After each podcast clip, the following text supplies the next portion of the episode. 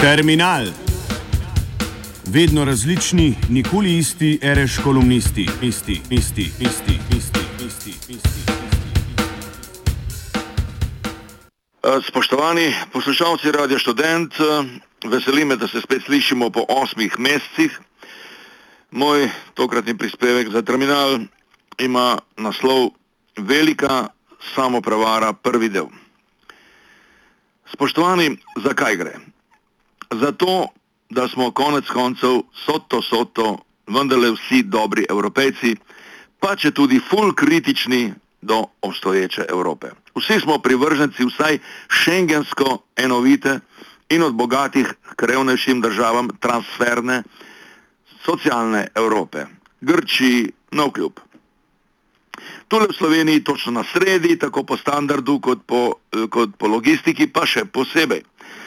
Nekako varne se počutimo, kljub vsemu in v Euro Untergang pač ne verjamemo, tudi mi old schooleri ne na kljub travmi z bivšo jugo. Smo pač en tak kolektivni varufakis in tudi v združeno levico je idejo o nujni alternativi, alternativi Evropi in to vključno z možnim izstopom zanesel šele nedavno in delno varufakisov antipod veliki Kostas Lapavicas. A hkrati seveda rečejo naši eh, voditelji tudi, levica je edina sila v Evropi, ki lahko reši unijo pred samo sabo. Morda. Ale če bodo na njeni strani najširše množice, kot je upravičeno dejal dr. Dušan Plut na torkovem dogodku, ki je bil v državnem svetu na temo alternative socializma v 21. stoletju v organizaciji TRSA. In prav ohranitev Evrope je bila implicitna predpostavka okvir tega dogodka. Ali pa je to realistično, ali nima Lajbah vendarle prav, Evropa razpada. Le od februarja je bruselska demokratična in nebirokratska šminka malo bolj debela, vsaj do britanskega referenduma o brexitu bo to najbrž trajalo. Vendar se subroza silnice razpada stopnjujejo. Na zadnje z vse večjim nemškim nezadovoljstvom nad ameriškimi metodami, se pravi quantitative easing in te stvari, ne guvernerja Evropske centralne banke Dragija za oživljanje tega zombija euroekonomije, ki ostaja v primežu germanoidne vrčevalne manije. No, celo Francija, domovina ne, republikanizma, svobode, bratstva, enakosti, v Evropi se je evropatologiji pravkar pridružila in jo zaostrila. Francoska kvazi-socialistična vlada je novo, bolj liberalno delovno eh, zakonodajo sprejela kar mimo parlamenta z dekretom. Ja, tako je vladal Hitler, recimo. No, se, eh, francoski situajeni pa seveda v zrak stavke in te stvari. Vse globlja je tudi prelomnica vzhod-zahod, posebej po arabski pomladi. Zahodni del je jasno sledil ZDA, Francija, Britanija sta bombardirali Libijo, Sirijo, Italija, Juni. Vzhod pa je bil seveda že odprej v ameriškem taboru apasiven. Po Siriji pa se je zgodila velika begunska kriza, ki bi jo Evropa seveda morala pričakovati, a je ni. In tako je lahko uletela dobra gospa Merklova s svojim kapitalskim humanizmom. Begunci dobrodošli, nemška industrija vas rabi, no, ampak seveda ste tudi pač ubogi in v nevarnosti in tako naprej. Evropski vzhod pa na okope prave krščanske Evrope. Zanimivo, na Merkelčin uber etični vlak, ki pa Grčijo na prvi črti begunske krize nekako pušča v agoniji, pri nas niso skočili toliko desničari kot levi levičari, posebej mlajši novinarski. Kaj nekaj sto, sprejeti moramo 30 tisoč beguncev, saj jih kot Nemčija menda rabimo, je pisalo tako v delovskem kot v mladinskem glasilu. Zato pa smo takoj moralistično uničili ubogega Cmerarja, pa je le hotel biti dober evropejec in sprejet, in sprejet pač nekaj beguncev. Hkrati pa se je nespretno branil pred nemško samovoljo. Logična posledica, zgodili so se izpadi lokalne oskosrčnosti in strahu pred tujci, ne nujno sovraštva, razen pri SDS seveda. Mimo grede pravi prevod ksenofobija, naj še enkrat povem, je strah, ne sovraštvo. Ampak seveda to je bila spet prilika za izlive levo moralističnega eh, zgražanja in tako naprej. Opravičujem se, ampak še enkrat, že večkrat v zadnjih, ne vem, desetih letih, moram spomniti na radikalen antropološko-materialistični pogled Kloda Levi Štrosa v eseju Rasa in kultura. V slovenščini ga imamo že 30 let, zdi pa se,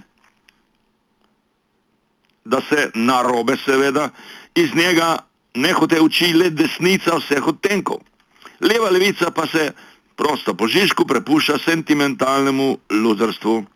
In tako ni čudno, da je bil in je še strah formamentis večin državljanov, kot se je jasno pokazalo v zadnjih javnomnenjskih anketah, oziroma takratnih. Večina se je pač bolj ali manj strinjala s Cerarjem, z, pa tudi z ograjo v bistvu. Ne?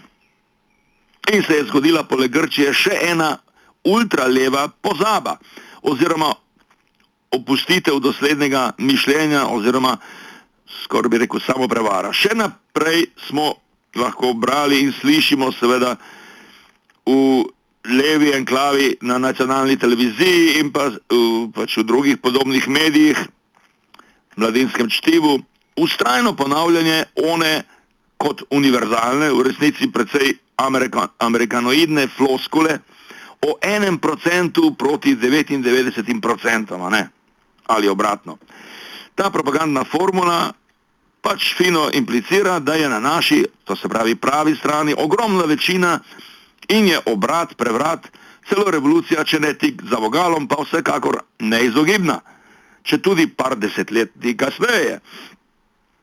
Saj konc koncu živimo v svetu, v katerem bodo mobilci in Zuckerbergi prav kmalo ponesli napredne ideje z demokratičnim socializmom na čelu v vsak dom in v cel svet in je povsem nemogoče, da 99 ponižanih, nas ponižanih, ražaljenih in udožniško in drugo suženstvo zakletih ne bi prej ali slej spoznalo nujnost odločilne kolektivne akcije.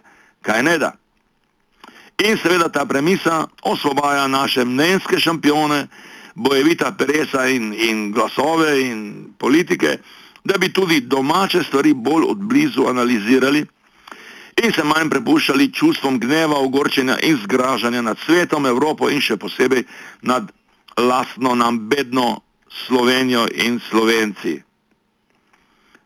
Ojej, še celo večna bičarka bednih slovenčkov, strašna Vesna V. Godina, je nedavno obrnila ploščo in sedaj slovenške hudo hvali čež da smo najbolj egalitarni, kolektivni in nasploh v Evropi najbolj primerna nacija za socializem. Ja, torej smo vsi kolektivna v onih 99% in je vsega kriv jasno na oni 1% običajnih osumljencev. Za neverjec in tudi ne more biti res. Samo prevare o 99 odstotkih proti enemu bo treba, bo moralo biti kmalo konec če naj se kaj premakne. Nekaj je načel veliki slavoj, kot se spomnimo okrog beguncev, ko se je zauzel za neke vrste levo evropotvornost in je ošvrknil luzerske sentimentalne leve levičarje in to v osrednjem našem mladinskem glasilu. Vendar kakšne posebne debate na to temo ni bilo, vse je kot jasno. In značilno, Najvidnejši človek našega zadnjega trojedinega upa Združene levice je v torek na omenjenem znanstveno-političnem dogodku alternative socializma v 21. stoletju podal precizno super marksistično makroanalizo globalne situacije. No, ampak zakaj konkretnega ni imel časa, ker je bil, imel samo pozdravni nagovor, zadeva je bila Trsova, No, zato pa je imel nedavno veliki intervju v delu, zagotovo ste ga brali. Glavna tema je bila umirjanje strasti eh, znotraj IDS-a po šlamastiki združitvenega kongresa. pa seveda še malo Siriza in vlada nasploh in tako naprej. Za trenutne konkretne zadeve, kot je recimo perverzija državnega skrajnega izkoriščanja čistilk zlorabo posredovalnih agencij celo v državnih ustanovah ali pa v Tešu 6, ki je sicer domena Haška in TRS-a, ampak vseeno, pa o recimo vse bolj kritičnem, v medijih pa zelo malo prisotnem kritičnem zamujanju reforme zdravstvenega zavarovanja, ki stane zdravstvo, če se štejemo profite in lastne stroške zasebnih zavarovalnic, kakih 80 milijonov evrov letno. Vlada pa je pravkar namenila za krajšanje čakalnih vrst koliko? 8,8 milijonov. 20 krat premalo je dejal gospod Fakin, skratka to je že kar posmehovanje bolnikom v čakalnih vrstah.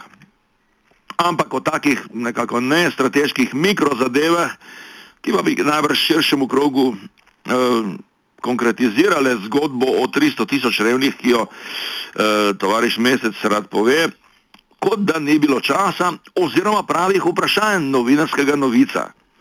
Ampak, spoštovani, dober politik je vedno on message, kot rečejo američani.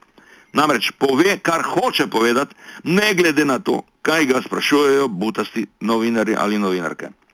Pa še to, tudi o kakšni kapilarni, neustavljivi, šireči se mreži organizacij in podpornikov Združene levice, mi ni prav dosti znanega, morda sem kaj spregledal, morda pričakujem preveč in prekmalu, ne? Morda pa bi morali vsi skupaj reči z JFK-jem. Ne sprašujmo, kaj lahko Združena levica stori za nas, ampak kaj lahko mi stori za njo. Mi lahko storimo za njo, če se nam seveda da. E, pa še to, če ste malce razočarani s to mojo prvo intervencijo v terminalu po osmih mesecih, e, prosim, poročilo Udbe iz leta 1972, objavljeno nedavno na Radio Student, vas je pravočasno posvarilo pred mojo netalentiranostjo za novinarja. Poskušal bom, obljubim, da bo naslednjič bolje, v čas seveda 25. obletnici tako imenovane samostojne Slovenije. Lahko noč in srečno.